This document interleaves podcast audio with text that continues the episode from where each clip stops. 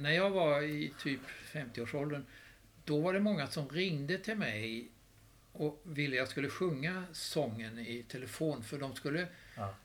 använda den på någon 50-årsfest Ja.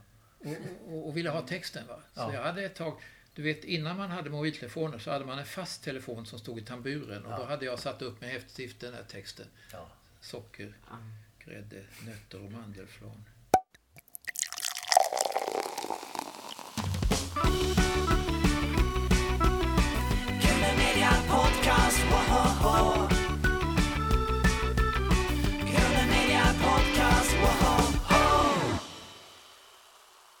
Välkomna till Grön Media Podcast med mig Jakob. Och mig Henrik Wahlström. Och med mig Erik Jensen. Det händer ju inte varje dag så här men så här på årets sista dag så har vi faktiskt unnat oss en liten finturné här till huvudstaden. Har ni sett kungen grabbar? Nej. Ingen kung? Nej. Har ni inte skändat flaggan heller? Nej. Nej. vi hissar den istället då. Eh, Det är nämligen så att vi har, eh, vi har tagit oss hem till Södermalmstorg på Söder och eh, i köket hemma hos Carl Johan De Geer. Välkommen till Grunden med podcast. Tack så mycket. Vi sitter ju hemma hos dig här nu så vi är ju lika mycket gäster här får vi säga. Ja. ja men det är fint att vara här. Hur är läget med dig idag Carl-Johan? Är Ja, ja du. För att vara 85 år så tycker jag att jag är rätt så pigg. Jag Ja. jobbar ju heltid kan man ju säga, men jag har en kortare arbetsdag Mm. än jag hade när jag bara var typ 70 eller så. Då kunde jag ju jobba 8-10 timmar, men nu jobbar jag typ ja, 6 timmar. Sen tar jag en tupplur på eftermiddagen innan jag börjar med middagstillagningen. När vi pratade här i höst så sa du att du hade din aktiva tid någonstans där mellan 12 och 15 kanske? Ja, 12 och just det, 16 just det. där. Ja. Där är vi nu så vi tack, Ja. tackar för att du ger av din kreativa tid här nu Ja. till oss då. Ja, ja, visst. Det är okej. Ja, Ja, vi är hedrade. Eh, Jag har ju blivit intervjuad. Jag har varit konstnär i 60 år. Mm. Det är ju en rätt så lång eh, eh, yrkesverksamhet och den är ju inte slut ännu. Nej. Men eh, jag har blivit väldigt mycket intervjuad i, i medier under nästan hela denna tid. Och nästan aldrig så har det blivit så att jag har svarat på någon fråga utan jag har börjat prata och sen har jag pratat omkull intervjuaren helt och hållet så att de aldrig har kommit till sina frågor. Och varje gång så har jag ångrat mig och tänkt att men nästa gång ska jag låta dem ställa frågor så att jag ska försöka nu att komma till den. Det är intressant för det här är ju en podd där man verkligen får brodera ut. Så Ja. att eh, här får du egentligen, här är vi tillåtande. Så, eh, Ja, ja, säga då, bring men it då vet ni inte vad ni ger in på riktigt. ja. Nej, men försök med komma med fråga. Jag är ju väldigt undrande vad ni ska Mm. komma med för frågor. här på Södermalmstorg då, du, du har ju en ljuvlig utsikt här över Saltsjön Saltsjön. heter det. Det är Stockholms inlopp där borta. Det är ju Nacka Mm. som man ser långt borta. Ibland ser man inte Nacka. Om det kommer ett regnmoln, då försvinner Nacka. Tittar vi ut här så kan man se hur, vad Vasa sjönk en gång i tiden. Ja, Sägs det det. är rätt lustigt. Är det där i, Och det är rätt kul tycker jag att mot man har gjort Ja.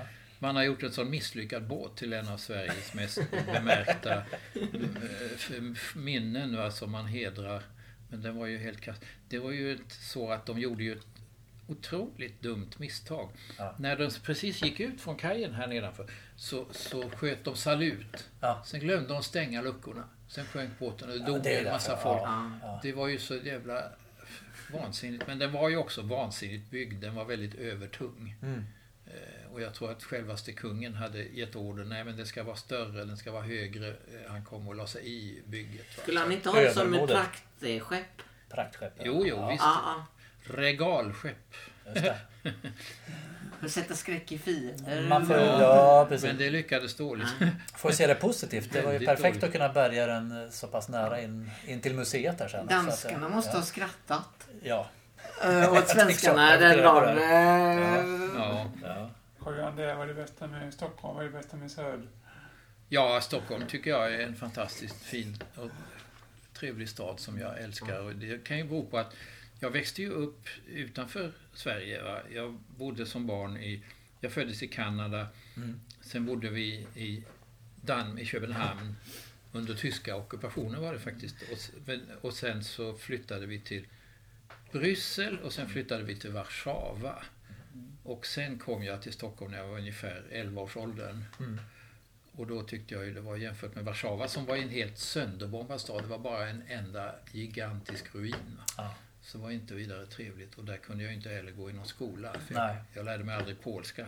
Franska pratade jag ju när vi bodde i Belgien. Då var jag ju en fransktalande pojk. Mm.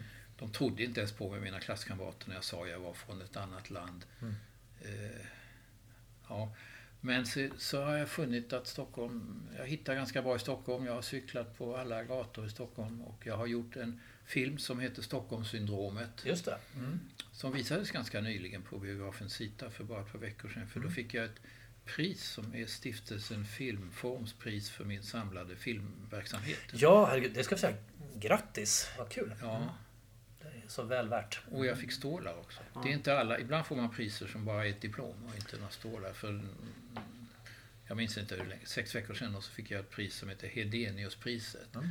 För min aktivitet som mot nationalism och religion. Mm. Då täcker det hyran. Jag vet att du, du pratar om hyres... Ja, du, priset var ju ja. det här filmfondpriset. Det var ju mindre än vad hyran är Ja, ja, i en ja. månad. Ja. Nej då, men jag klarar mig för att jag håller ju på och gör nya grejer. Mm. Och i år har jag ju jobbat med en modefirma som heter Rodebjer. Mm. Och eh, eh, de har haft en kollektion med kläder med mönster som jag har gjort. Och nu så håller jag på att samarbeta med en annan företag som heter Dedicated. ja, herregud. Eh, ja. Är det kläder?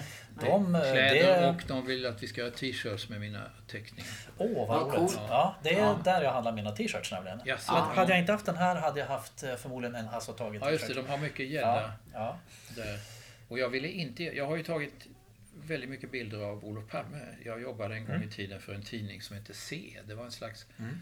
sensationstidning med svartvita eh, bilder och de ville gärna ha bilder av... Ja, jag, jag var deras utsände under den så kallade kårhusockupationen 1968 och då tog jag mycket bilder av Olof Palme.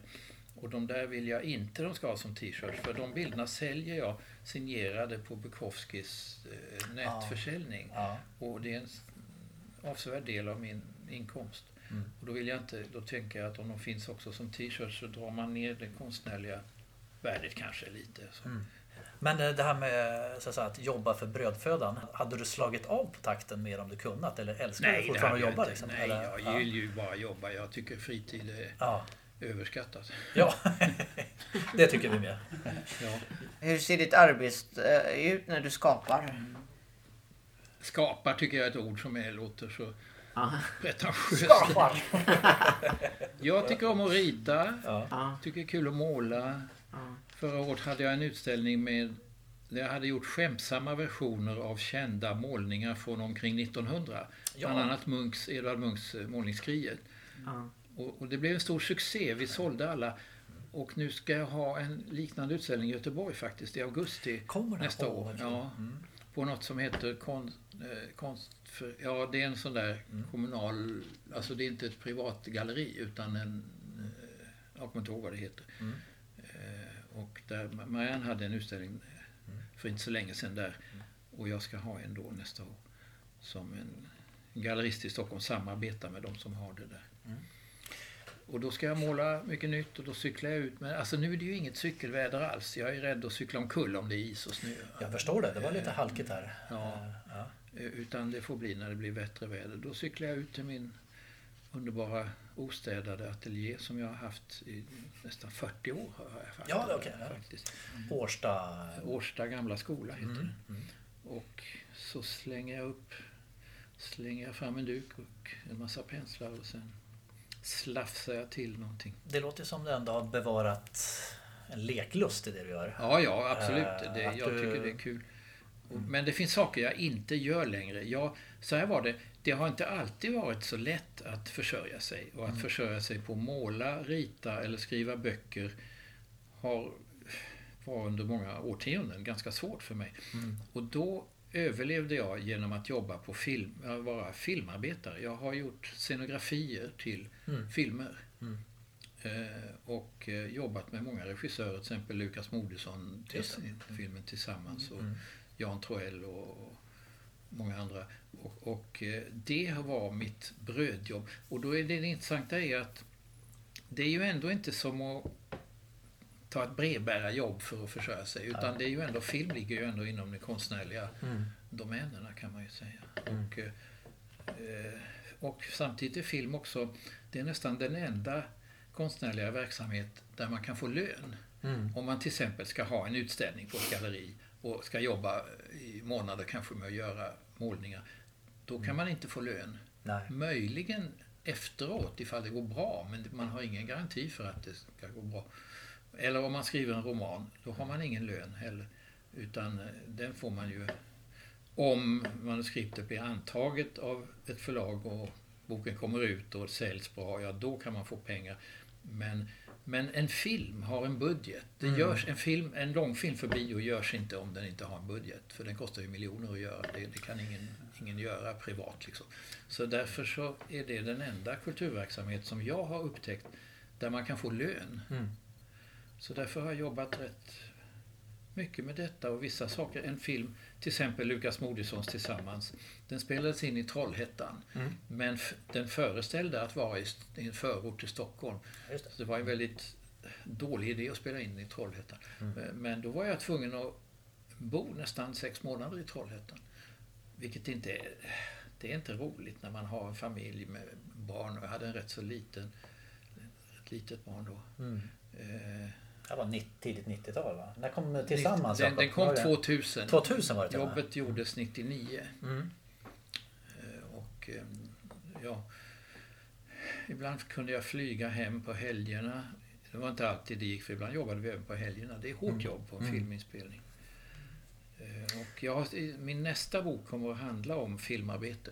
Ja.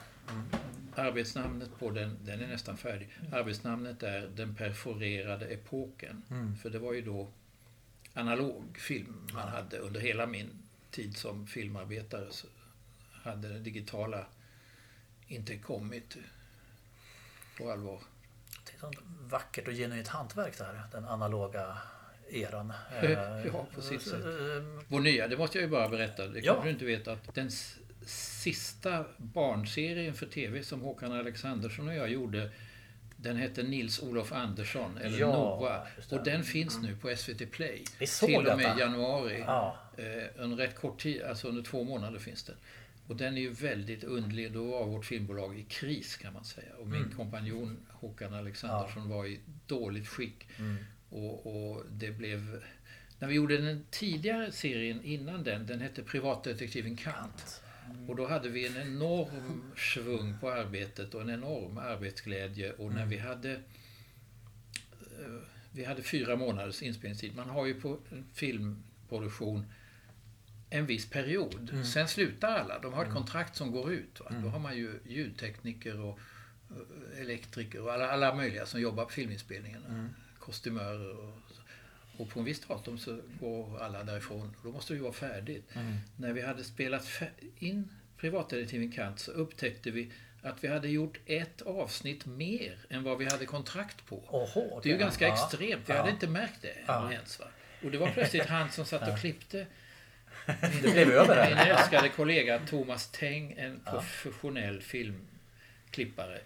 Eh, Så han, han hade enormt mycket jobb. Han klippte ICA-reklamen. Han klippte, Nile City Ah, tror jag. Killinggängets grejer. ja, han klippte nästan allt. Han var den bästa i Sverige. Och han jobbade hos oss då.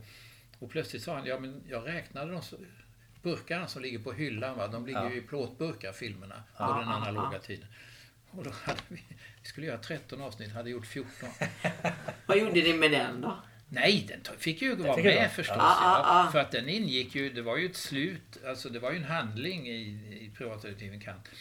Men det var ju vår i särklass bästa serie. Den är mycket bättre än Tårtan tycker jag. Ja. Eh, och, och väldigt fullbordad. Och på den gjorde jag Eh, dels var jag ju producent och vi skrev manuset ihop, Alexandersson och jag. Men Mm. jag var också både, gjorde A-fotot och scenografin. Okej. Och, Ja. och det är en väldigt intressant kombination för då har man ju rätt att ändra rummet när man tittar i kamera. Det har ju inte en filmfotograf annars. Nej. För då finns ju en annan befattningshavare som har gjort rummet. Mm. Men i och med att jag gjorde både rummen och fotot så kunde jag liksom Mm. ja, få allting precis som jag ville ha det.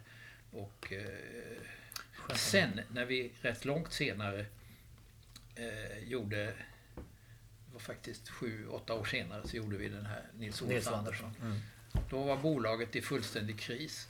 Och när hela inspelningen var färdig så upptäckte vi att vi inte alls hade fyllt ut den programtid som vi hade kontrakt på att göra. Mhm. Utan det fattades ju jättemycket, en timme eller någonting. Alltså, det var motsatsen till vad som hände Ja, i det, det telefon. vägde upp på något sätt och blev plus Ja, fast då var vi det tvungna att göra en nödlösning. Ja. Och det var att jag skrev väldigt långa resuméer, ungefär tre minuter långa på Ja. varje avsnitt. Alltså alldeles idiotiskt långa. De är liksom, och sen våran barnstjärna Ellen Lam, som nu är stor regissör på opera, Mm. men som då var barn. Hon läste resumétexten och sen klippte vi ihop resuméer med hjälp av omtagningar. Då hade man ju när det är digitalt så kan man ju använda samma bild om Mm. och om igen. Men när det, då var det ju så att man Fick tog ofta det. Mm. tagningar mellan tre och sju tagningar. Så att, Och en del var avbrutna kanske, men i resumén kunde man använda Mm. bitar som man tyckte var bra, som annars skulle kastats.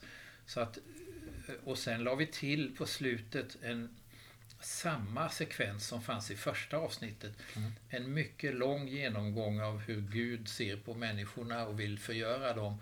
Eh, och med hjälp av kyrkmålningar från eh, 1100-talet i Härkeberga kyrka där jag filmade det där. Där finns en mängd mycket makabra. Det är liksom eh, djur som krossas av spjut och det, det är eh, Det är väldigt... gamla testamentets gud som, Ja, just det, just som det, just det, just styr där. Ja. Gamla testamentets grymma. Gud ansåg ju att människorna skulle förintas med en stor eh, översvämning.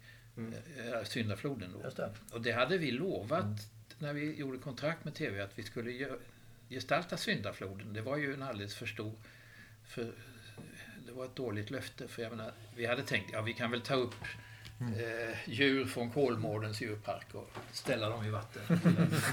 Lite lätt så. Öppna dörren. Ingen fara. Ja.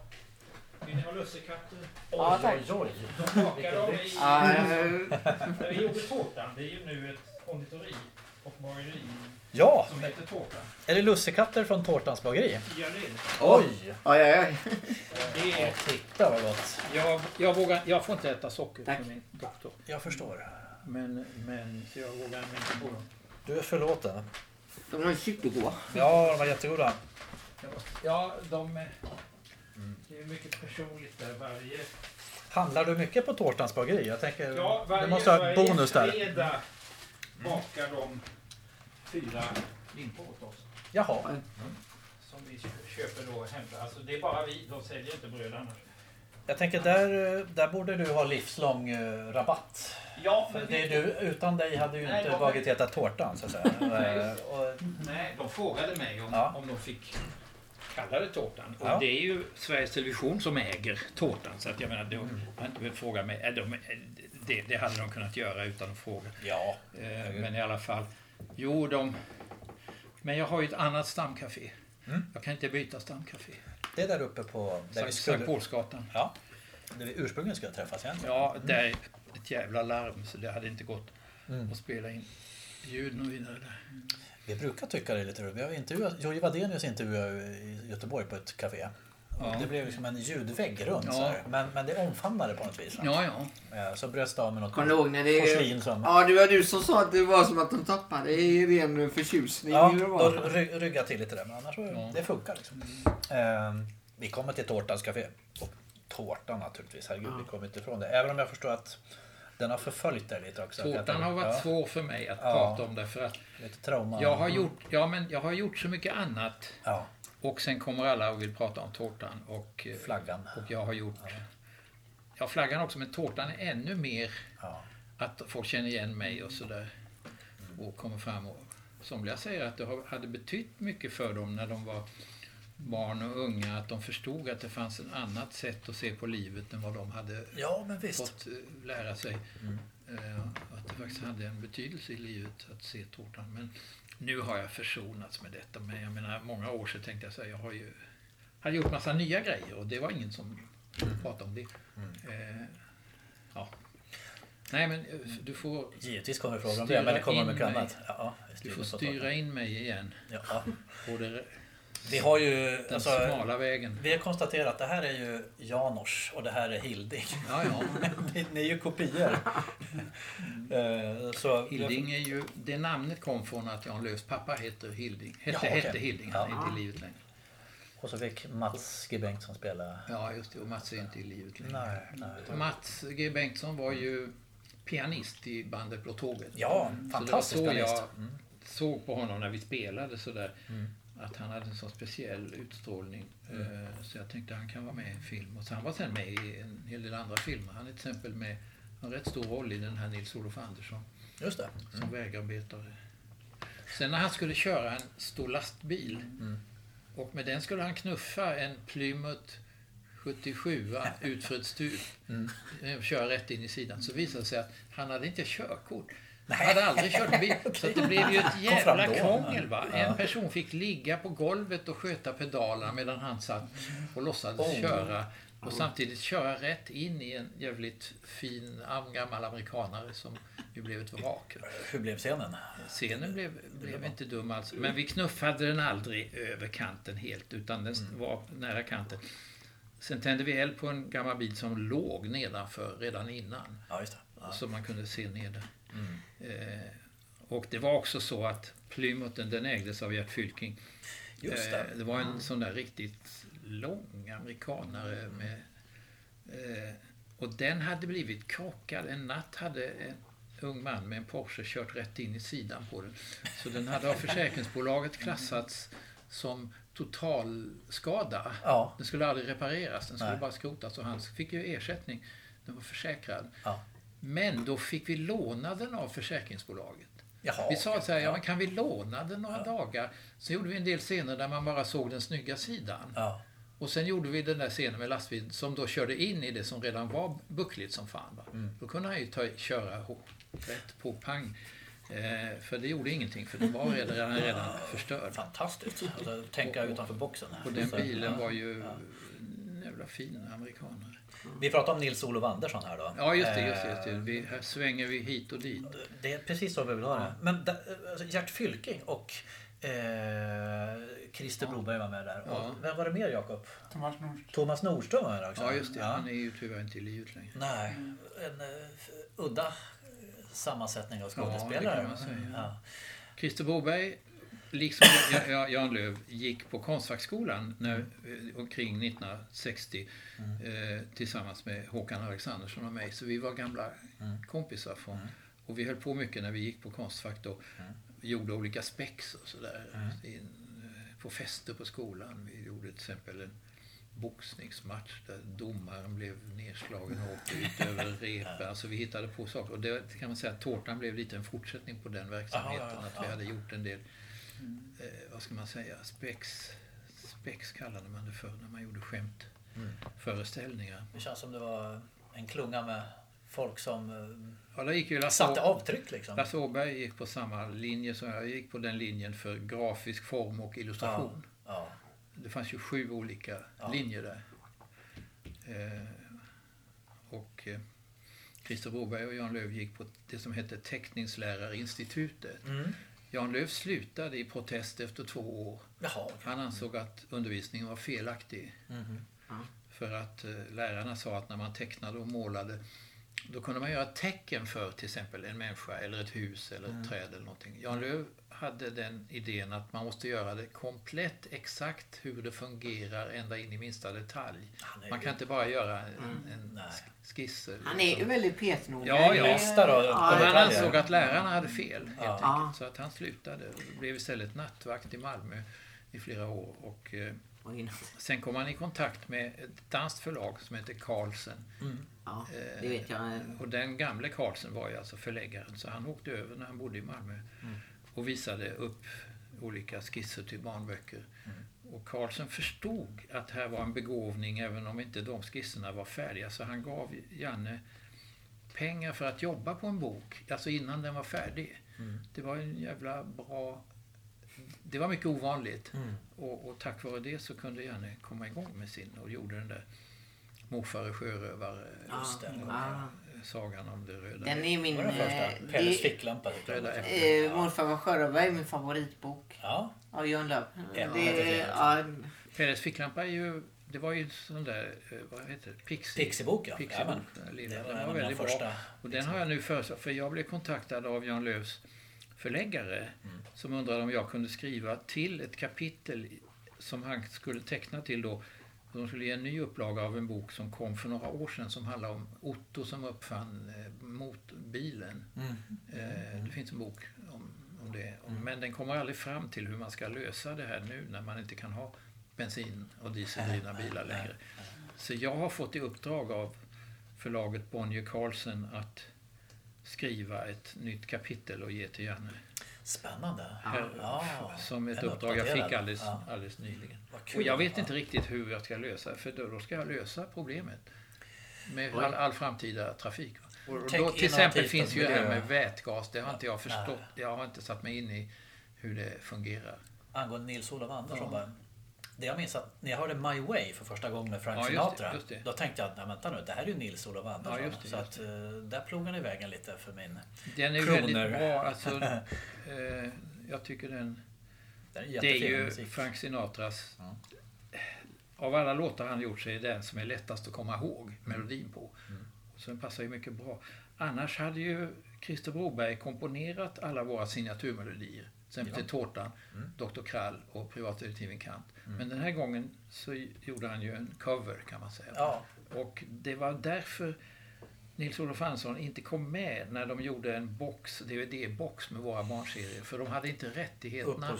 Musikrättigheterna hade de bara för tv-sändning. Mm. Och därför kan den nu finnas på SVT Play. Mm. Men man får inte spela in den och ha den som DVD till exempel.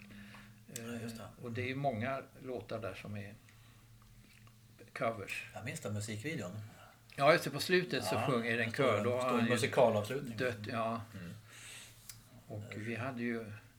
Vi var ju mycket förtjusta i på vårt filmbolag som vi hade. Det låg på Västmannagatan 81 i en gammal ruin av ett gjuteri. Mm. som varken hade vatten eller elektricitet och jordgolv Mm. på nedre botten. Och det jordgolvet, man kunde gräva sig ner tre meter i det. Där hade de grävt ner statyer för att kallna. Och när vi lämnade in ett prov på det så fick vi veta att det bestod till 12 procent av mineralerna cyanid, uran och bly. Oh! Och det betydde att det fanns flera ton av dessa gifter där. Ja. Och på kvällen när man kom hem och snöt sig så var det helt svart i näsduken. För det dammade upp det där. Vi försökte fukta men det, det funkade inte. Hälsovådlig. eh, Ja, det kan man säga. Hälsovådlig miljö. Ja. Och mycket Men- asbest var det och mycket också. Du lever i alla fall fortfarande? Tänker. Ja, ja, och, Gert Fylking lever också. Ja.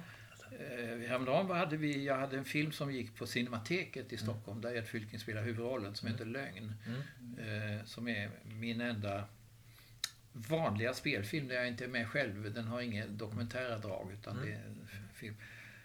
Och då kom han också vara med på Cinemateket när vi Ja, presenterade filmen och det var väldigt roligt för han är en utomordentlig skådespelare. ja, visst är han det? Ja. ja. Han hade en gång en teater förstår du. Ja. En, en liten teater. Killer Media Podcast, woho!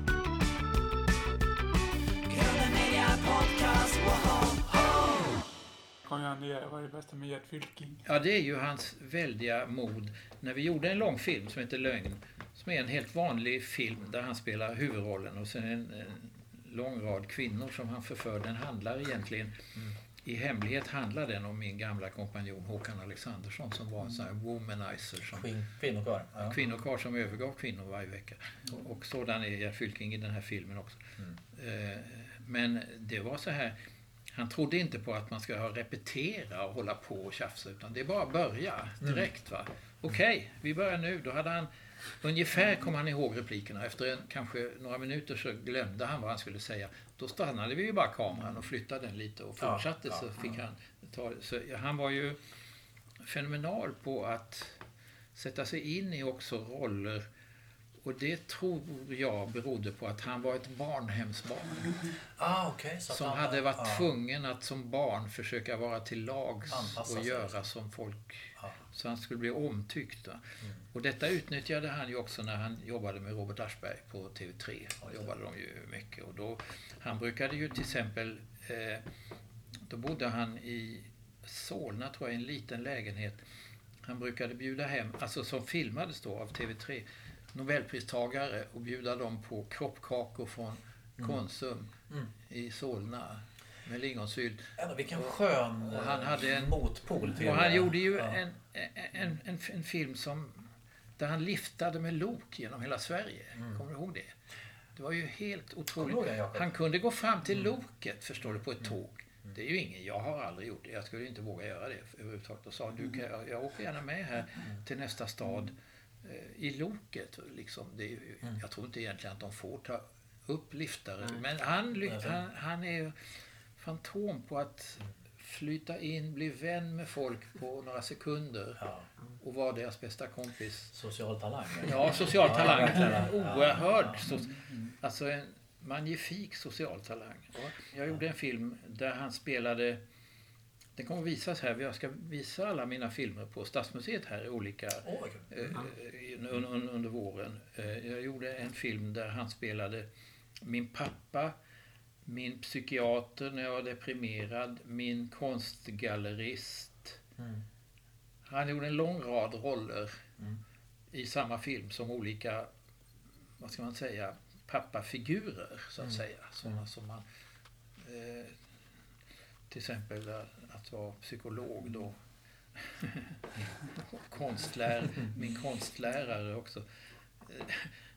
Ja, så att eh, jag har haft otrolig glädje av att jobba med honom. Det har varit väldigt stimulerande. Och jag tycker han har varit något av ett geni. Nu håller han på på gamla dagar. Han, han är med på sådana här quiz Aha, på, ja, det kan jag tänka på mig. han någon, någon, någon krog va, där han liksom ofta briljerar och vinner. Eh, Jag tycker han, det är därför han kommer undan med sådana saker som SM i lavemang. Gjorde han inte det också i Aschbergs program? Han gjorde här... Han gjorde mycket. Sticka, sticka ut lite. Ja, han gjorde mycket lite saker som var på pappret lite tveksamma, men han kunde genomföra dem i praktiken. Ja, men han gjorde det. var med. Ja. Så han är en fantastisk Ja, ja, eh, arbetskamrat som jag uppskattar mycket och har jobbat mycket med. Mm. Vi måste ju återvända till Västmannagatan 81 här Ja. också. Uh, Ruinen. ruinen. Bland Vi fick ju hyra där. hela ja. huset för Ja. 100 kronor i månaden. Det var ju ett femvåningshus. Oj, ja. Det var en symbolisk hyra. Och det här var så... Egentligen hade de tänkt sig att det skulle stå tomt och så småningom rivas och ersättas av ett hyreshus. Det ägdes av något som heter Familjebostäder, ett bostadsbolag. Eh, och vi lyckades ju hindra rivningen och istället... Jag hade ju byggt upp då, när vi gjorde privatdetektiven Kant, en fantastisk lägenhet som liknade Freudmuseet i Wien. Mm. Otroligt fint var det förstår du, genomförd scenografi. Och då tog vi dit alla politikerna från Stadshuset i två turistbussar som fick komma upp och titta där och sa ett så här fint hus kan ni ju inte riva. Mm. Eh, det var byggt 1900, ett tegelhus i, i fem våningar. Eh, och då blev det också, stoppades rivningen. Och det var ju en ren bluff, det var ju en scenografi. Va? Ja. Jag menar, huset var egentligen rätt risigt. Men det gick ju att renovera och det är ju det som är det stora misstaget man har gjort här i Stockholm. Man rev ju hela centrala Stockholm. 700 hus rev man. Det, det, det rök flera hus här än i många städer som var bombade under andra världskriget. Eh, man förstod inte att det gick att renovera dem. Man ansåg det här är slum, här finns det råttor, här mår folk dåligt, de fryser och sådär. Och det, det, det är klart de gjorde eftersom husen var helt omoderna, inte hade värme eller, eller, badrum och sådär. Men det är ju bara att och många bodde sådär i en enrumslägenhet med en massa barn som somliga sov i köket och så. Men det är ju bara att ändra lite på rumsindelningen och renovera husen kan man göra. Men då mister man en hel stadsdel Hela Norrmalm. som inte klarar Ja, kvarteren. Klara. Ja, Vi pratade om det när vi åkte upp här. Äppelkriget. Hasse Ja, Tages det. film där, där de... Det har där ju lite de, av det eh, temat. Ja, de filmar också i Evert bodde ju här på, ovanför. Jaha, här Ja, då. i det här huset. Mm. Fem, vån- fem, på fem trappor. Vem? Evert Taube. Ah, Taube. ah. Det här kallas för tåghuset. Om man tar en taxi kan man säga kör till tåghuset, då kommer de hit. Det var det jag skulle fråga i början. Hur länge har du bott här? Jag har bott här sedan 96. 96? Ja. Så det är rätt så länge. Han inte träffat Tove då? Nej, eh, nej, men däremot så hade vi en granne som kom ihåg Taube. Denna grannen är nu inte i livet längre. Men han berättade att en natt så hade Evert Taube ringt på ett på natten. Ja. Iklädd morgonrock och på den hängde franska hederslegionen. Det är ju den finaste medalj man kan få här på jordklotet. Eh, och frågat om de hade någon sprit hemma. Han, han hade ju... Min Han älskling! hade, han hade en tendens att. Göra slut på allt Titta lite... alkoholhaltigt Ja, som ja, de hade hemma. Va? Så, men, men, så det mindes denna Dryckerna granne. flödar. eller? Ja. Eh, Och det är ju rätt kul att han, när han gick ut utan att klä på sig, men han satte på medaljen. Det är den som skulle dra till sig uppmärksamheten jag tänkte. Ja, Men här, den lägenheten då som Ernst Billgren nu har, det är högst upp här. ja, ja okej. Det, det är en ateljélägenhet med ett väldigt stort ateljéfönster åt norr som man ska ha när man målar tavlor. Och det var då Anders Zorns ateljé Jaha. i början av 1900-talet. Kom igen det, vad är det bästa med Håkan Alexandersson? Det bästa, Ja. eller det sämsta? Du får välja båda. Ja, först ja. och främst det bästa, men du får vara fullständigt Ja, men det bästa var jag har gjort en film som heter Jag minns Håkan Alexandersson. Mm. Där, som beskriver hela hans mycket tragiska livsresa. Mm. När vi var unga så beundrade jag honom mycket. Vi träffades ju när jag var typ 20 och han var 18 eller något sånt. Va? Mm. Han lärde mig dricka franskrostat kaffe. Han lärde mig dricka rödvin Mm. flaskvis varje gång. En, flaska, en eller två flaskor per person. Jag, Flöda- Det är inte bara Taube här tror jag. Så. Nej. Eh, och han var en Ja. fantastisk kunnig kulturmänniska. Vi gick ju då på Konstfack, var klasskamrater på Ja. Och, eh, och eh, han ansåg också, precis som jag då på 60-talet, att man skulle ha grupparbete. Man skulle inte ha en demonregissör Nej. utan man skulle ha, jobba i grupp. Det var till och med så att det fanns en period då man inte gjorde vanliga för eller eftertexter utan man, allting tillhörde gruppen. Ja. Ja. Eh, Kollektiva. Men efter många års, vi jobbade ihop många år. Vi hade filmbolag i 20 eller 25 år. Flera olika filmbolag som hade olika namn. Mm. Eh, Vi var tvungna att starta ett bolag när vi skulle göra Tårtan. Sveriges Television kan inte jobba med enskilda personer. De måste skriva kontrakt med ett bolag. Mm. Så att de sa till oss att eh, vill ni jo- jobba med film här så måste ni ha ett bolag. Mm. Och då startade vi ett bolag eh, på 1971. Mm. Men så småningom blev ju Håkan mer och mer övertygad om att man skulle ha en demonregissör och att det skulle vara han. Mm. Så det blev ju så Han småningom tog över så sprack ju hela verksamheten. Mm. Alltså han, ja, men han tog över men samtidigt blev han då han hade ju häl- hälsoproblem minst sagt. Ja. Eh, Så han blev ju samtidigt som han ville vara den absoluta chefen så blev han virrig och kom inte ihåg vilka scener vi hade tagit eller skulle ta. Alltså det blev Så att du fick vara den och då, då gjorde vi Noah, Nils-Olof Andersson och då var vi i kris och sen Mm. gjorde vi aldrig mer några barnserier. Mm. Och vi gjorde ju en rad långfilmer. Men den sista som heter Hammar tyckte jag blev dålig. Några var ju väldigt bra. Alltså vi gjorde en som hette Tvätten Mm. och en som hette Spårvagn till havet. Och sen gjorde vi Werther efter Goethe. Mm. Eh, Och, och vi hade, när vi, när vi var som bäst, när vårt filmbolag funkade som bäst, då hade vi en specialitet. Det var att söka pengar. Man kunde söka pengar för filmproduktion, både på Svenska Filminstitutet och på Sveriges Television. Och i bästa fall fick man båda att bidra med pengar till en filmproduktion. Mm. Det vi gjorde var att vi försökte tänka ut vad de här kommittéerna som bedömde inskickade manus, vad de ville ha. Och så försökte vi på ett insmickrande sätt ge dem vad de ville ha i fråga om manus. Sen kastade vi det manuset och gjorde en helt annan film. Varje hade, gång, ja, förstår du. Bästa exemplet är väl just Den unge Werthers lidande. Den filmen heter Werther bara. Mm.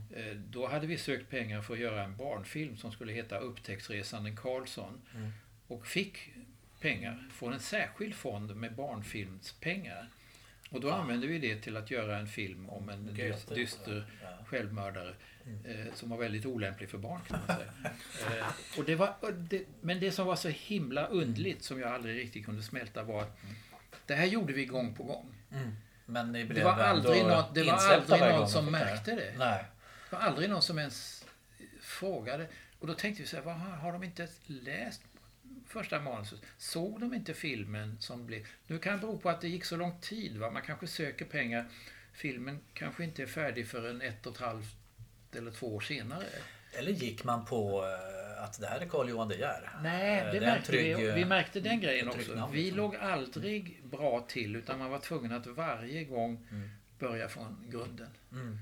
Vi kunde aldrig komma, så Ingmar Bergman kunde ju bara säga att jag vill göra en ny film. Wow, då, du får det största budget som funnits i Sverige. ja. Och det gick ju alltid med vinst också för han kunde ju sälja de filmerna över hela världen.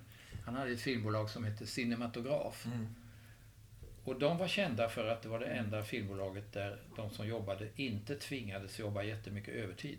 Och det försökte vi imitera också, att hålla tider på inspelningen så att man kunde hämta barn på dagis, Ja. man kunde sluta klockan fem. va.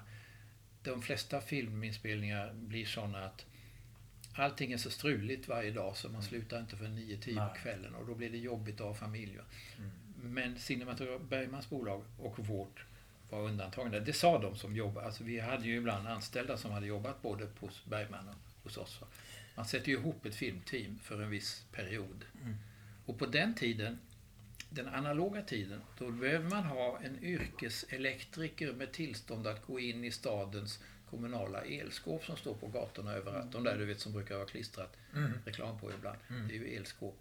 För att man behövde så mycket ljus. Nu när man har eh, digitala kameror, de klarar sig med mycket, mycket mindre ljus. Mm. Så man behöver inte ha en elektriker. Nej. Men då var man tvungen att ha en elektriker med yrkesdiplom att han har rätt att gå in i alla el elsystem.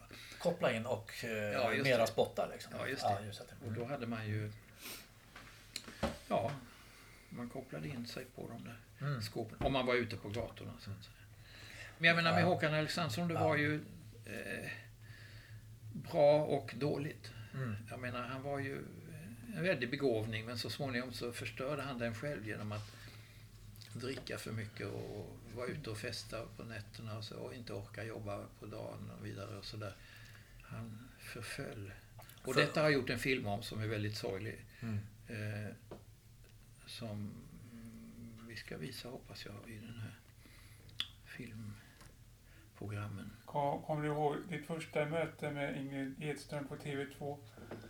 Ja, just det. Det har jag ju skrivit om. Jag har ju jag skrev en bok som heter Tårtan, 70-talet och jag. Mm. Där har vi skrivit Mm. Tårtan, inspelningen och förarbetet och hur vi kom åt lokalen genom att ljuga. Och, eh, eh, då var Ingrid Edström chef för det som hette TV2s barnredaktion. Mm. Och då säger, jag träffade henne helt nyligen, hon är jättegammal nu, Mm. men hon kom när jag fick det där priset på, på Folkets bio, på, på Sita. Eh, hon, hon, hade varit på väg till jobbet i bussen samma dag som de skulle ha ett möte där vår programidé skulle tas upp. Mm. Och då var det en person som fastnade i bussdörren med en tårtkartong som blev hopklämd. Va? Ah, okej. Och då förstod hon att vår idé var förankrad i den svenska verkligheten. För vi, den första utkastet till tårtan som vi hade skrivit, det var ganska annorlunda mot hur det blev sen. Utan det skulle handla om ett bud som skulle försöka leverera tårtor i Stockholm men aldrig komma fram med tårtan hel. Ja. Utan fast på olika sätt skulle hända olika olyckor. Ja. Det var ju en försvar... Så den idén var, gjorde att vi fick ja på förslaget. Mm. Men egentligen var det inte en tillräckligt komplett idé. Det var Nej. liksom inte... Det var svårt att göra många avsnitt och variera dem så att vi fick så småningom börja hitta på en ny handling som var att... Och det där att de var sjömän, det kom vi på när vi redan hade spelat in hela serien. Mm. Alltså vi hade gjort eh, 12 avsnitt, det skulle bli 14. Mm. Och då gjorde vi det första och det sista efter, efter att vi hade De spelat in land alla där, de andra, där, Ja. där de går i land. Ja. Och eh, alldeles här nedanför på Ja. kajen. Men ehm, det, det är hon som släppte in er på SVT då? Ja, fast då hade de en omröstning då. I. På den tiden var det ju, det var Nu, Håkan. 1971 som vi skrev kontrakt. 72 spelade vi in Tårtan. Det tog hela året att göra det. Från inspelning och klippning och musik och allting. Alldeles här nästgårds var det väl? Ja, just det. Det var ju Tårtan. var Ellens Café? Ja, just som det. det. Ellens bageri hette det. Ellens Det hade det hetat. Det hade varit stängt i många år. Eh, och och eh, 73 gick det på TV första gången. Och blev mycket illa omtyckt och vi blev nästan svartlistade. Ingen tyckte om det. Men sen när det började gå i repris så blev det omtyckt. Okej, det fick eh, Och, ligga och det var tack vare att de hade Mm. lurat oss. Vi fick ingen reprisersättning, det ska man ha egentligen. Mm. Det fick vi inte. Därför var det väldigt billigt för dem att sända det i repris. Så att, Mm. Tack vare att de hade lurat oss så blev det visat flera gånger. Det var kanske bra i det långa loppet. Men vi förblev ju fattiga under lång tid och hade Kronofogden efter oss. För vi hade så låg budget så att det nästan inte gick att göra produktionen. Mm. Det var ju en så kallad utläggning. Det vill säga, vi fick en budget 174 000 kronor tror jag det var. Det är väldigt lite för att göra en dramaserie även för 50 år sedan. Eh, och vi skulle själva alltså, lokaler, anställda, apparater, allting skulle vi... Vi skulle ha ett eget bolag och göra hela produktionen utanför TV så att säga. Det var inte i deras studios eller så som den gjordes utan den gjordes ju i en lokal som vi... På falska grunder. Det var... Huset stod stängt och låst och skulle egentligen förbli så. Men vi lurade några gubbar på fastighetskontoret och sa vi kan väl bara få gå dit och titta. Och sen så gick vi dit och tittade och sen när vi gick tillbaka med nyckeln, då hade vi fått låna nyckeln. Mm. Så gick vi till en annan person och sa vi tar det. Ja. Som inte visste att, redan, att vi redan hade fått veta att vi inte fick hyra det. Ni har liksom... Och det var omodernt, det var, Ja. fanns ingen vattenledning. De hade stängt av, hela huset var utrymt, det bodde ingen i huset. Eh, Ytter, ytterdörren till lägenhetsdelen var igenspikad. Eh, Vad är det roligaste minne från tårtan, eh, inspelningen? Ja, alltså så här är det faktiskt, måste jag säga. Att filminspelningar är inte roliga. Nej. Filmerna kan bli roliga. Men själva inspelningen blir ju en, alltid en enorm stress därför att man vet att det man tar varje dag, det har man sen att stå ut med. Det- Det går aldrig, man kan aldrig göra om det. Nej. För att efter en viss tid så är, har hela inspelningen slutat och då har man det materialet och ska klippa ihop det. Och man kan inte ta tillbaks alla och eh, göra en scen, en extra scen. Utan alla filminspelningar uppfattar jag som plågsamma. Mm. Och ytterst stressiga. Mm. Och sen är det däremot roligt att sitta... Förr satt man ju i klippbord, nu sitter man ju i en dator. Va? Men förr var det ju klippbord. Av märket Stenbeck. Där man hade filmen på rullar och körde fram och tillbaka. Och jag satt vid klippbordet och Håkan stod bakom, eller satt bakom och kommenterade vad vi gjorde. Och bad mig prova olika alternativ. Det är roligt. Mm. Och det är roligt att spela in musik. Vi fick vara i en musikstudio som Sveriges Radio hade, som inte finns längre, som låg nära Stureplan, eh, på Lästmakargatan. Och där var det så att det fanns alla musikinstrument som existerar. Mm. Det fanns alla sorts pianon, flyglar, cembalor, eh, antika, moderna. Det fanns alla slags trummor, stämpukor, vet du, där man kan Ja, dra i en timpanis. spak så, Ja, att, ja. så att tonen blir Mm. sådär. Det fanns all, inte, inte handinstrument som elgitarrer och saxofon. och så, Det fick vi ha med oss. Jag hade ju med min trombon. Ja. Men alla sådana instrument som är lite större. Sen började de med en helt ny regim där man var tvungen att på en blankett beställa varje instrument långt i förväg. Ja. Och så plockade de fram det. Men här här var en studio som, som inte fanns så himla länge till. Där det fanns allting. Så att vi, kunde, vi gjorde över 50 versioner av signaturmelodin. Ja, men minns Under det. Det var ett... av flera dygn där vi var där nästan dag och natt. Ja. Eh, Det är ju ett väl tilltaget soundtrack till den där. Ja, Jazz och Dixieland och det... Ja, ja, just det. Ni har ju verkligen... Det märks att det är musiker som ligger bakom det här. Vi hade ett band, förstår du, som hette Det Fruktansvärda eller The Terrible Ones. Som var vi gamla konstfackare. Mm. Eh, Mm. Som hade inte spelade, vi hade inte mycket spelningar men vi, vi hade ett band ett tag och det var detta band som gjorde serien. I ett avsnitt har vi ju musikpiller. Ja. Och, och vi hade en idé om barnprogram, att barnprogrammen var precis som de är nu. Skrikiga, fjantiga, fåniga och vi ville råda bot på detta. Mm. Och göra något med allvar i botten. Mm. Eh, och vi ville också visa för barn vad det fanns för olika genrer av kultur. Mm. Så att därför är ju ett avsnitt är det med musikbilder. Det är ju en operett. Eller Ja, opera. Där hade vi med Ja, en riktig operasångerska Ja, som var en, en vän till Håkan. Eh, so, som var skyldig honom pengar och istället så gjorde hon en roll i en dag. Hon var operasångerska Ja, på någon stor precis. opera i Zürich. Mm. eller något sånt. Va? En riktig operasångerska var det. Och det kom ju olika gäst, gästpersoner. Bland annat var det ju Ines Svensson som var en dam Mm. som kom ideligen. Hon och jag var ju med i en designgrupp som hette 10-gruppen som sysslade med textilmönster. Mm. Mm. Eh, Men vi ville visa då, till exempel finns det ett avsnitt, Frasses storverk, där han har gjort en stor pyramidformad tårta med en massa symboler på. Mm. Och det var en parodi på tidiga tv, när det bara fanns en tv-kanal. Mm. De kulturprogram som fanns då av en pe- person som heter Christian Romare som gjorde kulturprogram och pratade om symboler och sådär. va. Mm. Så det snacket där är en parodi på tv-kulturprogram som det var i tvs barndom. Mm.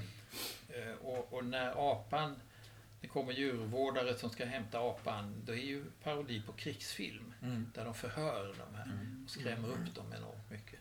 Och jag var ju modefotograf åt en modefirma som heter Mahjong. Mm. Och de hade en mycket stor Citroën skåpbil som vi lånade för de där scenerna. Jag gjorde ett kors, så det skulle vara en djurambulans liksom. Och den hade en taklucka. De där är jävligt stora. De används nu ofta för här street food. Har de de där Citroën-skåpen som har en del sån här korrugerad plåt. Eh, Så när jag klättrade upp på taket och hoppade ner på gatan utan skor. Jag hade ju bara mina gamla handskar på fötterna när jag var apa. Ja, Så gjorde ju det ont som fan, förstår du. När jag, när jag, land, när jag landade, för det var högt. det är lite li- Det var högt. Livs skådespelarinsats där. Ja. ja, ja. Jag var apa i tre avsnitt. Mm. Det är ju Ja. inte så jävla lätt därför att apor har ju korta ben och långa armar. Det har ju Ja. inte människor. Nej. Så jag försökte ju liksom... Man försökte Förställa liksom, dig. Men var det, var det Jan Lööfs idé eller var det din egen att du skulle vara apa? Nej, det var ju en idé som vi skapade tillsammans. Ja. Alltså, Ja. ju är, den är ju väldigt rolig den där apan. Ja, jag tyckte jag Ja, lyckades bra med apan. Men det finns, ju- man ser ju inte vem det är. Nej. Eh, Men i den här boken, Tårtan 70-talet och jag, så finns det en bild när jag ska klä om och ha målat. Jag målade ju svart runt Ja. ögonen, Ja. på hakan, för den syntes i apmaskens mun, såg man hakan. Ja. Och så längs här, för knäppningen glipade lite så jag fick måla svart på hela magen. Eh, Och eh, jag har bilder av när jag klär om, så jag kan ju bevisa att det var jag. Men det finns andra som har påstått att det är de som är apan. ja, ja. Det har ju... Konspirations... Stört mig, kan man Men säga. då har jag en f- fråga. Eh, har du kvar apdräkten? Absolut inte, den hyrde vi på ett ställe. Ah, Med en kostym. för det var roligt att ha kvar den. Ja, nej. det- Det- Ja, det kan du bevisa. Ja. Ja, Vi försökte köpa den men det fick vi inte. nej. Och, och, och det kostymförrådet är ju sen mycket, Ja. mycket lång tid. Det är synd att du inte sparade den för att... eh, Ja, men den fanns ju då på ett kostymförråd. Eh, var det svårt att övertala Jan Lööf att sk- skådespela? Nej, så här var det med Jan Löv att han tog ju ett enormt ansvar. Det är ju egentligen hans förtjänst att det finns sådana bra scener i tårtan. För han improviserade, han sa liksom, ja den här tårtan, ja den väger lika mycket som en boxer eller en medelstor Ja, stövare och sådana saker. Det hittade ju han på. Ja. Vi hade ju väldigt korta manus, de var bara en halv sida långa med handlingen. Men replikerna fick de skapa själva. ja. Och då, arbetssättet var att på förmiddagen repeterade vi scenerna och då kom, fick de liksom göra repliker. Och sen på eftermiddagen tog vi, efter lunch tog vi. Vi gick åt lunch på ett eh, brickställe som heter Gropen där man kunde få billig lunch. Och sen filmade vi på eftermiddagen. Och i bästa fall kunde vi göra ett avsnitt på en dag. I vissa fall så tog avsnitten många dagar att få färdiga. Eh, Så att eh, när vi hade filmat i kanske två månader så insåg vi att vi var i kris. Vi hade inte gjort tillräckligt mycket. Så då bestämde vi oss för att under en vecka skulle vi göra ett avsnitt om dagen. Mm. Och då, men det gick faktiskt väldigt bra. Det gjorde vi bland annat det där med dammsugarförsäljaren. Det är din favorit Jakob va? Mm. Dammsugarförsäljare. Ja. Ja. Jag gillar den när Jan Lööf eh, lyftar. ja, just det. Det var jag Men- som körde bil. Ja, men men om då... Alltså, Det var min gamla... Har, har, ni, har, ni spe, har ni spelat... Eh, ni har ökat hastigheten på filmen Ja, just det. va? Man kan ändra För hastigheten ni, på ni kameran. kör ju som en dåre genom Ja. Stockholm. Och så, Han sitter ju i framsätet. Ja. Den scenen är väldigt rolig. Ja, ja, men han är ju en framstående mimare kan man säga. Ja, Han har Jan väldigt, ja. väldigt sinne för Ja. hur han rör kroppen. Ja. Och, eh, men ett avsnitt var ju en parodi på Ingmar Bergman-film. Det är det, det, där ja. Hilding är deprimerad och Ja. röker en stor Är det den han har en massa cigarrer, cigaretter Ja, just det. Just det Ja. precis. Röker i barn-tv. Så det, Ja. Sånt kan man inte göra längre. Men det var, på För den 50 tiden år sedan så var det... Ja. Men eh, jag, eh, Rökte- den rökte här... eh, Den här damen som kommer in och köper en Ja, det är tårtan. Ines, och- min- och- min- ja. Min kollega Ines Svensson som Ja. är textildesigner. Vem är gubben som hon slår paraplyet i huvudet på? De Ja, det är, det är tårtan. en eh, läkare som är numera pensionerad som bor i Gamla stan. Som Ah. heter Jan Hanners. Ah. Och han och jag satt i redaktionen för en tidning som heter Puss. Ja. Ja. Så att han var en bekant från den kretsen kan man säga. Och För den vi, vi gjorde också en bok tillsammans, eh, Jan Hanners och jag. Eh, som heter Pengar eller livet. Mm. Som var min första bok. Vem är trollkarlen? Ja, det är Jan Löv som har klätt om, som gör en dubbel. Ja, som för man ser inte att det är han. Nej, eh, och då målade jag, du vet han är ju helt flintskallig. Ja. Så att jag målade hår på hans huvud som ungefär som Tiri-figuren Mandrake eller Mandrake. Ja. va? Så att det går ner en spets så här och det är målat med så här svart fing, Ah. fingerfärg. Samma som jag hade som apa, då målade jag ju inte bara hakan och magen utan även händerna målade jag svarta med. Det som kallas fingerfärg, det används mycket på dagis. va? Det är giftfritt. Det är ju vår version av Goethes Faust. Ja, ja. En Ja, ja. Så det var ju också ingick i vår ambition att lära barn olika dramatiska genrer. Det var ju aldrig någon som förstod detta. Jag tycker det är så fint att ni ändå...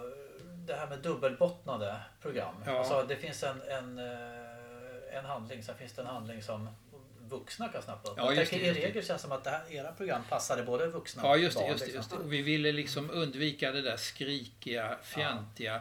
Vi ville undvika detta att det finns skådespelare som när de gör barnfilm eller barn-tv så sänker de sig till en lägre nivå. De tror att barn inte begriper så mycket. Och så bara, äh, lägger upp rösten och gnäller och Ja, skriker. krystat och sådär. liksom. Ja, krystat. Vi bedrev i många år en kampanj mot det krystade som inte lyckades kan man säga. Det är ju lika krystat nu. Ja. De, de klär ut sig till någon krokodil och står och bräker. Där, där pratar vi med Andreas T. Olsson om. Ja. Eh, Vi pratar om alltså, njutningen när ens eget barn tittar på Kalles klätterträd. Som Ja, ett väldigt ja, långsamt tempo. Och älskar det. Det var ju eh, Olof Landström som ritade. Ja, Min klasskamrat från Konstfack. ja kan jag vara med också. Så vi- Vilket vi- järngäng det var. Vi det. kände Ja. varandra väldigt bra. Toivo Paolo var berättare tror jag. Eh, Honom, honom kände jag ju bra, Toyo Palo. Han var Ja. ju, spelade i filmen där jag var scenograf. Hur var det att dyka upp som seriefigur i, i Ville? Ja, jag kan visa dig. Jag ska hämta en sak. Ja. Det gör jag ideligen här. För att Det får du gärna göra. det var mycket noga planerat förstod du. Ja. Ah, Det är en bild vi tog för han skulle rita mig när jag Jaha, mig okej. som mannen från rymden. Oj. Eh, och då var jag väldigt förtjust i 1800-talets storformatskamera så det där är en storformatsbild. Ja. Det är Det där är en. Ah. kontaktkopia från ett Ja. så stort negativ. Men eh, jag har ju Ville-albumet i bokhyllan hemma. Ja, ja. Eh, man ser ju att det är du eh, att Ja, ja, i visst. bakgrunden. För jag tänkte på det några gånger. Ja. Det var, undrar om det är eh, Carl-Johan De Geer. Ja visst, så att han, eh, han, det här gjorde vi tillsammans, tog den där bilden, arrangerade den för att han skulle ha något. För han, då bodde han inte i Sverige utan han satt och ritade, jag kommer inte ihåg om han bodde i Grekland tror jag, när han ritade Ville. Ja. Och han anser liksom, många, det är många författare också som tycker att man skildrar sin egen pl- hemplats bättre när man är långt bort från den. Ja. Så att han satt i Grekland och ritade. Det var mycket motiv från Slussen här också. Var det, var det ju i, Men bilden. Lööf har ju blivit eh, kritiserad för att han har så eh, få kvinnor i sina Ja, serialbum. ja. Men den tjejen som är med i Ville, som är Villes flickvän. Ja. Det är ingen förebild va? Jo, det är Lisbeth Zachrisson, Håkan Alexanderssons fru. Är det hon fru. Som ligger i badet? Ja, I, så, som är, i hon, en scen. hon, var ju, hon var ju dansare, förstår du. Ja just det, för hon har ju, dan- just det. Ja. Hon har ju danskläder på sig den Ja, tjejen. ja. Så det är en riktig förebild till henne. Ja. Så det är kul. Hon, är med, hon är med som sjuksköterska i, i Nils-Olof Andersson. Jaha, okej. Killer Media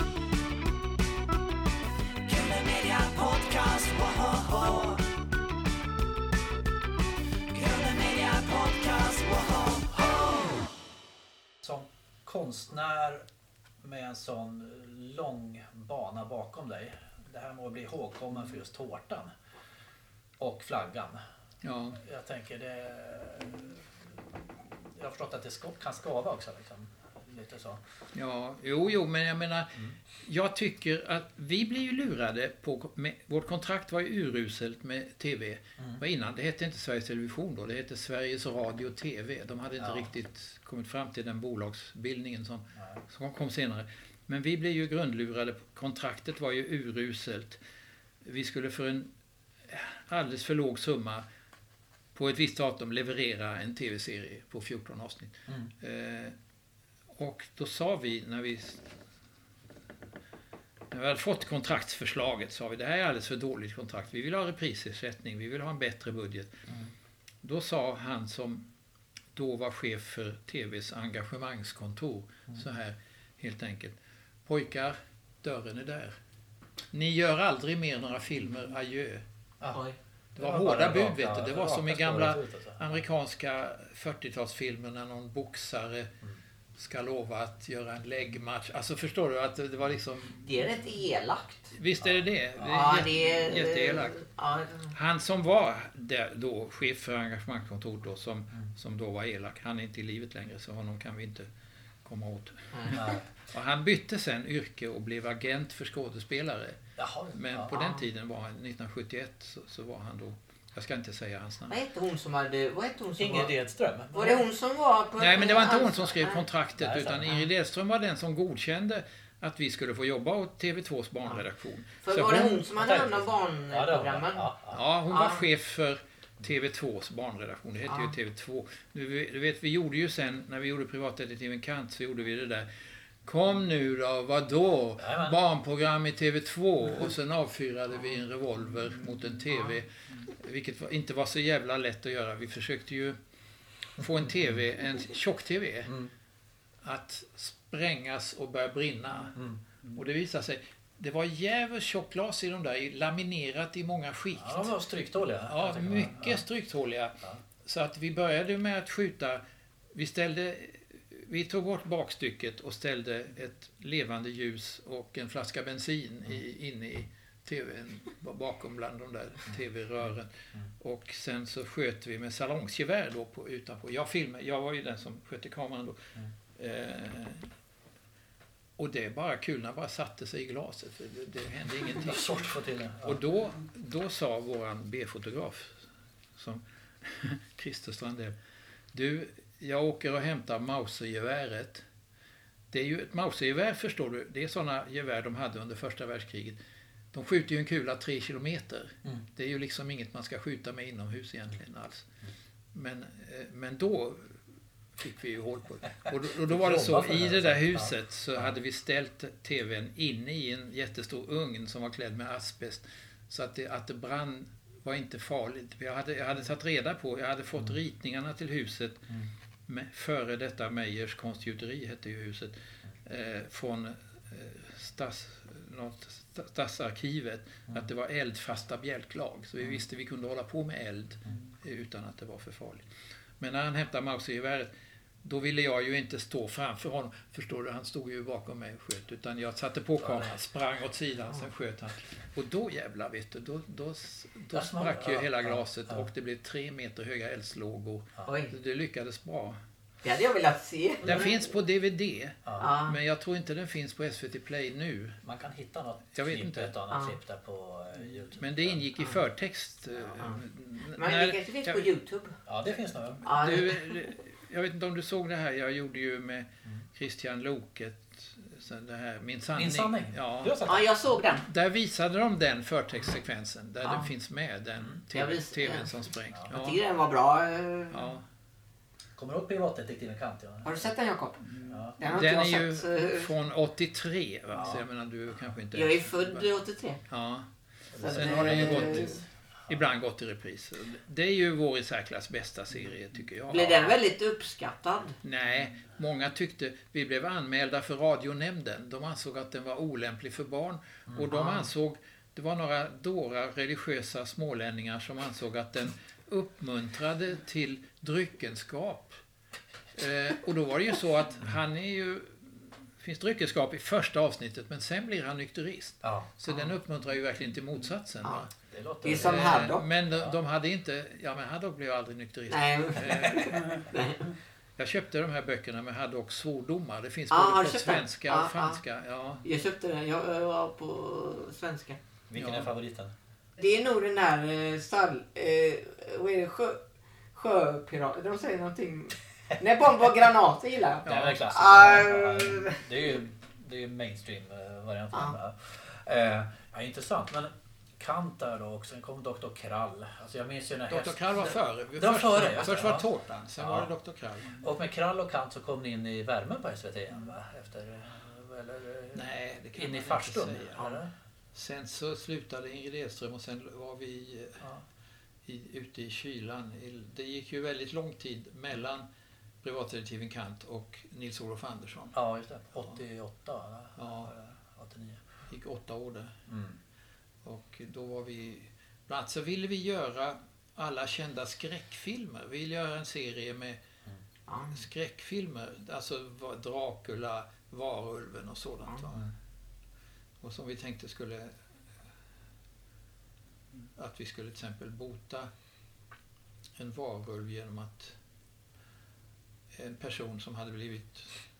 Nej, en, en vampyr kunde vi bota genom att göra en slags dialys och pumpa den personens blod genom ett vitlöksfilter. Det. Och då skulle bli, blodet bli renat och han skulle återgå till att bli människa. Mm. Eh, för att eh, vitlök var ju... Man kunde skrämma bort Vampyrer. vampyrer Ja, ja. med vitlök. Men den, den, det, ville, det fick vi inte göra. Mm. Nej, vi låg dåligt till hela tiden kan man säga. Det krävde väldig övertalning från vår sida att få göra någonting överhuvudtaget. Mm. Vi var aldrig populära. Inte, I alla fall inte efter att Ingrid Edström hade slutat. Jag tycker era program var ju geniala. Ja, men det, var en tyckte- speciell ton. det var, Ja, men så, det var Eh, många som tyckte... Till och med var det så att när vi hade gjort tårtan, och då var det så att alltså det var ju en utläggning där vi själva fick ansvara för eh, anställda och, och, och lokaler och allting. Men mixningen av ljudet gjorde vi i en studio på TV Mm. som de hade där, en mixerstudio. Det är som en liten biograf. Mm. Och sen körs alla ljuden på olika bandspelare och sen kan man skjuta olika regler och få dem lagom eh, höga. Sådär, va. Och då var det så att det kom en person som var producent på TV2s barnredaktion som hette Lasse Sarri. Ja. Eh, Och pappa till Olle Sarri, en skådespelare som jag sen har pratat med. För Olle Sarri var ju med Tillsammans och honom träffade jag jättemycket när jag jobbade med Tillsammans. Eh, Och vi pratade om hans pappa. För pappan hade sagt till oss, skrek till oss så här. Det här programmet ska låsas in i ett skåp och nyckeln kastas. Ja. Och sen så smällde han igen dörren så hela huset skakade. Han var upprörd. Han tyckte vi Åh, hade gjort något fullständigt olämpligt och d- dåraktigt. Och sen påstod Olle då, hans son, att många år senare så hade han ångrat sig lite och insett att det fanns en viss folklighet i tårtan, att det var många som såg det. Då hade han haft en rörmokare som hade kommit och jobbat i hans badrum som hade sagt, ja men det finns ingenting på TV man kan titta på utom sporten och tårtan. Och då förstod han Då, att, att tårtan hade planterats där. en, alltså. en, ja. en folklig grund liksom. Vad fint. Ja, ja, det har det. han, Lasse Sarri var en före detta jazzmusiker. Mm. Eh, när TV2 kom 1969 då hade det ju bara funnits under lång tid bara en TV-kanal. Mm. Som är, fanns redan från 56 började de med sina försökssändningar och så Mm. småningom slutet av 50-talet blev den helt etablerad och större delen Mm. då av 60-talet så fanns det bara en kanal faktiskt. Mm. Eh, Men när TV2 kom då behövde de ju anställa flera tusen personer. För det var ju en stor produktionsapparat det där. Både tekniker, fotografer, elektriker, manusförfattare och redaktörer, allt behövde de anställa. Och då var det ju så att på den tiden, på 60-talets slut, så var alla som jobbade inom kultur kommunister. Mm. Alltså alla utan undantag. Mm. Till exempel på Journalisthögskolan, som de ju tog jättemånga nya anställda ifrån, Mm. så var ju alla unga kommunister. Mm. Och det är det som får Jimmy Åkesson nu att gasta om att TV är vänstervridet. Men Mm. de är ju sedan länge pensionerade. Ja, ja. Så att det är ju en lögn. Det, det var vänstervridet. Under Vietnamkriget var det ju vänstervridet. Mm. Men det är ju mer än 50 år sedan. Mm. Nu anser jag inte alls att det är vänstervridet. Oh, nej, nej. Det, Men det, den myten kan de försöka, Sverigedemokraterna försöka upprätthålla. Från tonen i era barnprogram här, vi kan väl hålla kvar vid tonen. Jakob, Eh, Spelar du fortfarande trombon? Eh, Carl-Johan Andreasson, Nisse Lange? Nej, jag spelar inte trombon längre. Jag har problem med framtänderna här. Jag har fått Ja. en brygga här. När man trycker upp med trombonen så... Men jag var ju aldrig heller någon bra trombonist. Jag var ju liksom... Jag spelade ju i 30 år och sånt där. Sen blev det så att det blev en schism inom Blå Tåget 1999. Då var jag ju i Trollhättan i ett halvår och kunde inte delta i arbetet med repetitioner och vara med i replokalen och bära förstärkare och sånt där när vi skulle ut på någon scen. Så att då tyckte de inte jag skulle vara med längre. Jaha. Och sen hände det väl att jag hoppade in någon gång, men de tyckte att jag var... Jag kunde hända att jag kom med ett litet propellerplan till Stockholm från Trollhättan någon söndag och, och hoppade upp på scenen och tutade lite och sen sprang jag iväg och skulle tillbaka till Trollhättan och då tyckte de att jag höll mig undan det tunga arbetet med själva grund, grundarbetet och bära omkring på tunga förstärkare och sånt där. Ja. Du sjöng väl åtminstone i miljonärskvarteren, jag tänker jag. Ja, men det var ju i Vaxholmsstudion. Det var Ja, ju ja. långt, det var ganska tidigt. Ja. Det har jag skrivit om i en bok som heter Jakten mot nollpunkten. Hur det var när jag sjöng in miljonärskvarteren.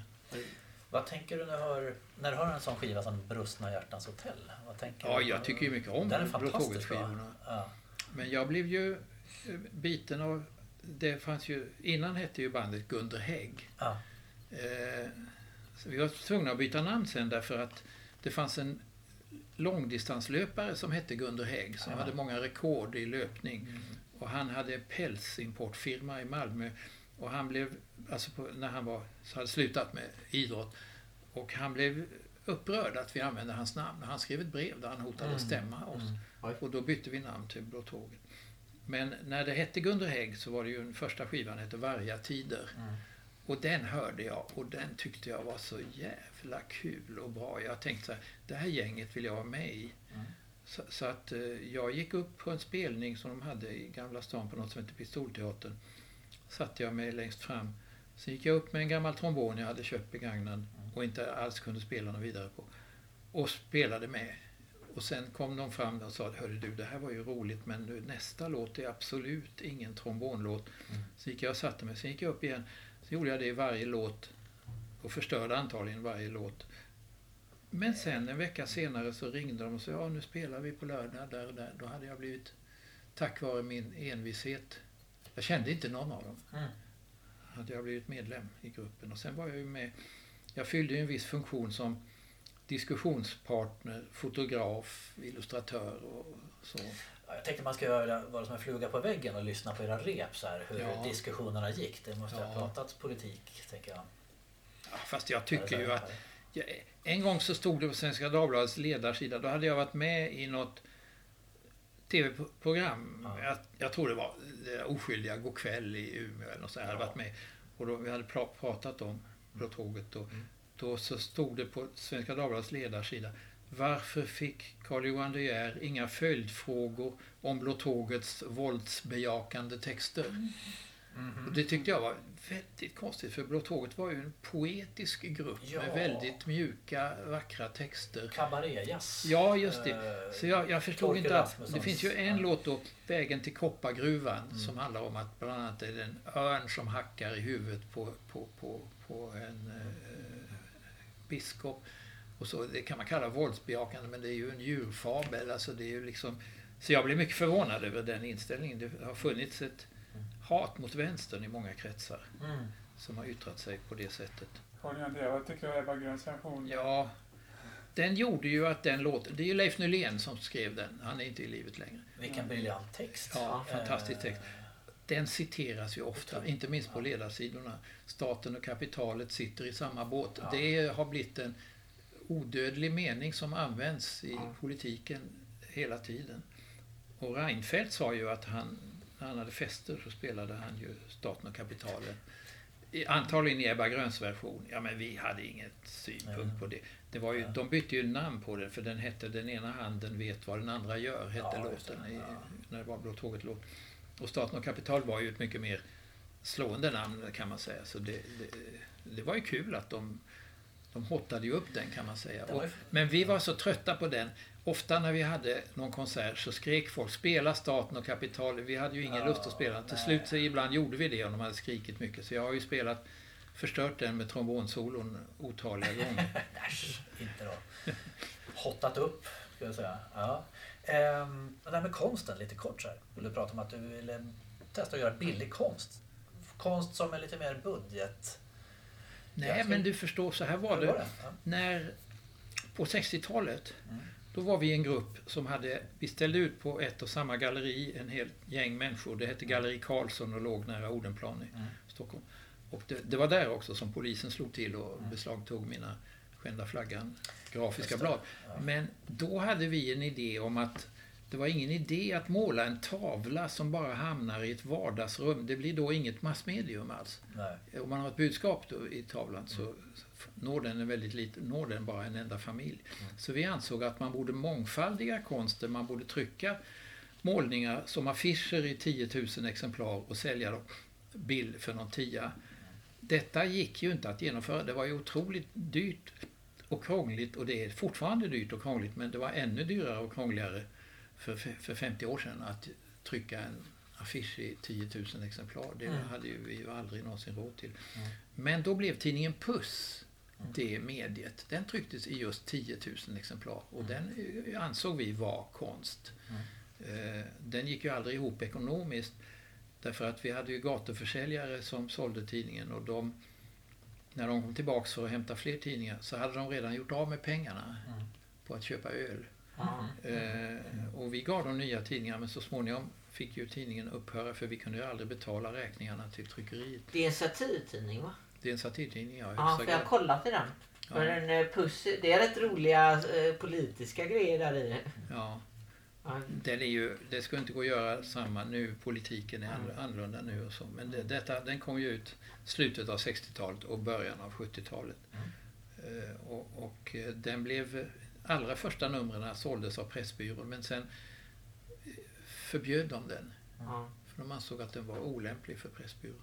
Och det var då vi gick över till att bara sälja den med gatuförsäljare i Stockholm. Då. Och ofta sålde de alla 10 000 exemplaren. Men det, det kom aldrig in några pengar. Nej. En av medlemmarna i redaktionen som heter Lena Svedberg, som jag har gjort en film om som heter Jag minns Lena Svedberg. Eh, hon, hon hade en pappa som var rådgivare åt kejsar Haile Selassie i Etiopien.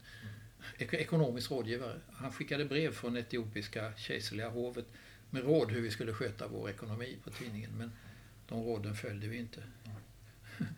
Du skulle fira nyår. Ja, det, det, det, det, det, det är inget särskilt. Vi skålar väl i något bubbel här vid tolv. Och, Inte med barnbarnen. nej, de är ju... De har sina familjer. Men däremot julafton ska vi ha eh, alla barn och barnbarn här. Så då är det Ja, massor, massor med folk. Och, det blir mycket och alla tar med sig något. De gör någonting Oj. i matväg. Västerbottenspaj eller Åh gud. liknande. Ja. Blir det socker, grädde, nötter och mandelflarn också? Ja, Ja. fast jag vågar inte äta socker. Nej just det, jag har lagt ner det lite där. Eh, Ja. Men, men ja, det är ju en Ja. jättebra text. Ja, Eh, när, när jag var i typ 50-årsåldern, då var det många som ringde till mig och ville jag skulle sjunga sången i telefon för de skulle Ja. använda den på någon 50-årsfest Ja. och, och, och ville ha texten. Va? Så Ja. jag hade ett tag, du vet innan man hade mobiltelefoner så hade man en fast telefon som stod i tamburen och Ja. då hade jag satt upp med häftstift den här texten. Ja. Socker, grädde, nötter och mandelflarn. Jag har gjort en insjungning av den också som gick till det här Schipto Bosnias insamling. Alltså det var en välgörenhetsskiva ja. som Ja. såldes där alla pengarna gick till Mm. Bosnia. Där jag sjunger duett med, med mitt, min styvdotter Rebecca Afzelius som är, är ju dotter till Björn Afzelius. Hon Ja, sjunger oerhört ja. bra. Ja. Så vi har gjort en duettsång av den. Vad fint. Alltså, det är ju en låt som tycker jag etsat sig Ja. fast i... Ja. eh, Men det är Christer Broberg som komponerade Ja, alla låtarna. Utom Nils-Olof Hansson då. Mm. Som, eh, och, och han är ju ett musikaliskt geni. Han hade i många år en studio där han lärde barn att bilda band. Mm. Han hade en teori, man kunde lära någon spela efter en teori där med pianot hade han att vissa tangenter var bananer och andra var något annat. Alltså, vad man kunde lära någon på fyra timmar kunde man få någon att bli tillräckligt bra musiker för att försörja sig på att spela på en finlandsfärja. Mm. Spännande. Alltså, Ja, Han hade, en, han hade en pedagogik. Ja, ja. Eh, Och oftast så hade de där, så spelade de de här banden på något evenemang på Skansen på våren. Mm. Och eh, bland annat var det några av hans musiker som gjorde en låt som handlade om spionen Berglings flykt. Mhm. Och den är med i den här nya romanen Fläckar förstår du. Så man kan hitta den. Får jag läsa både om Bergling och Eugen Sandberg. Ja, just det. Vi intervjuade Ronny Eriksson här faktiskt i fredags. Ja. Då pratade om Eugen Sandbergs trio som han hade där. Jaså, jaså, Ja. han det? Som bara var en duo. För Eugen Sandberg det? upp. Det är han som har sagt det är aldrig för sent att ge upp. Jajamän, Euske Ja. Känner du till. Och en gång, förstår du, så var det så. Jag har ju varit mycket ute i mina dagar och hållit föredrag. Mm. Eh, och en gång skulle jag hålla föredrag i någon stad i Norrland. Jag minns inte om det var Umeå, Mm. Luleå eller Piteå.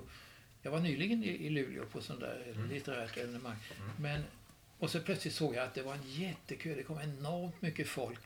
Men det var ju till hans evenemang. Mm. Till mitt kom det eh, 40 tanter. Mycket, bildar ingen direkt kö sådär. Mm. Jag ska bara se om jag hittar den där Berglingsången. Den finns här. Bergling är borta. Ja. Jag kan ju sjunga den. Ska se. Vi kommer att tipsa om den här boken. Bergling är borta. Han skvallrade för ryssen. Bergling är borta. Han är som Emil som gör hyssen. Skvallerbytta bing bong, skvallerbytta bing bong. De hittade en bil. Det var en Opel Ascona. De hittade en till. Det var en Volvo 340. De hittade en tredje.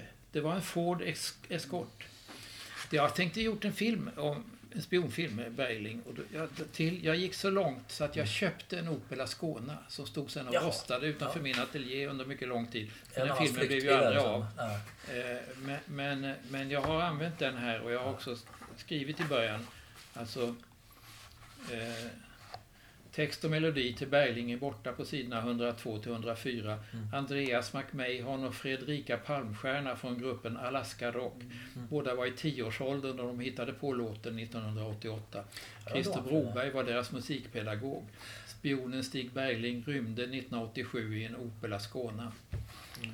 Han Så att det kommer från... Ja. Jag har ju... Christer var inblandad där i Ja. låtskapandet. Ja. Eh. intressant. Ja. Jag har en scen i den här boken där jag eh, lyckas få en Säpo-agent medvetslös och bär ner honom till en Opel Ascona som står utanför bakdörr.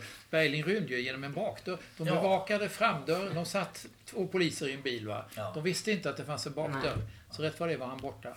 Sen bytte han bil flera gånger och Det är smart kille. Han- Och han i tog med sig frun Elisabeth Sandberg heter han också. Ja, just eh, det. Som han gifte sig med sen. Jag minns här på Rapport för några år senare så var det en bild från, hette han Kim Philby, en gammal spion. Ja, ja just det. Hans begravning, var Bodde, i Moskva också. Ja, Ja. och så var det en sån bild som kunde vara Stig Bergling Ja. på då. Jo, men han bodde ju ett tag i Moskva. Ja, Sen flyttade han hem till Sverige för han blev så sjuk. ja, precis. Och sen läste jag, förstår du, en gång var han med på en estraddebatt i Malmö där de diskuterade politik. Och då hade han en... Då satt han vid ett bord, så var de fyra stycken. Och så stod det Stig Bergling, major, GRU. Det hade han som officiell titel i Ja, Sverige som ja, pensionär. Ja. Det är ju ganska Det extremt egentligen, för det Ja, var ju en ja. spiontitel. Ja, ja, ja, Mycket märkligt. Ja, mycket. Ja. mycket märkligt. Så jag spinner lite kring Bergling i den här boken. Vi länkar ju till den här boken i vår presentation sen Ja, när vad är släppt. Eh, Karl-Johan, vad är du mest stolt över du har gjort? Nej, det går inte Eller är du för så. självkritisk? På, ja. Jag är ju väldigt stolt över mina böcker. Det ligger mig Ja. varmt om hjärtat. Och Ja. de sista åren har jag haft sånt otroligt bra samarbete med ett förlag som heter Kaunitz Olsson. ja.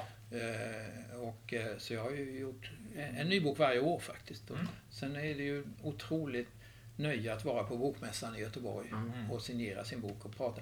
Och min hustru beskrev det som att Ja, jag, jag tycker inte om att stå hela dagen. Va? Vid Nej. 85 års ålder vill man ibland sätta sig på en stol. Det tror jag det. Så ja. då, då hade vi några fältstolar på bokmässan. Jag satte mig på en stol, så hade jag en tom stol bredvid.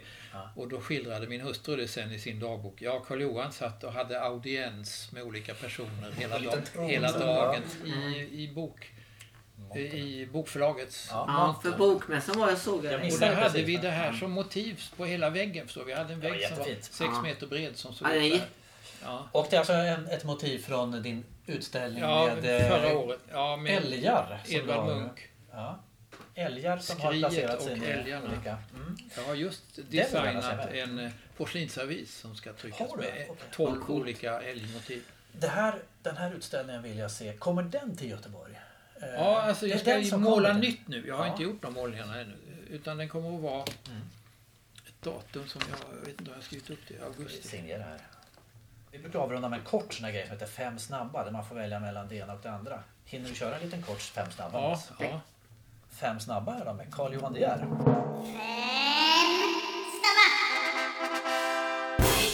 Tårtan eller Dr. Krall.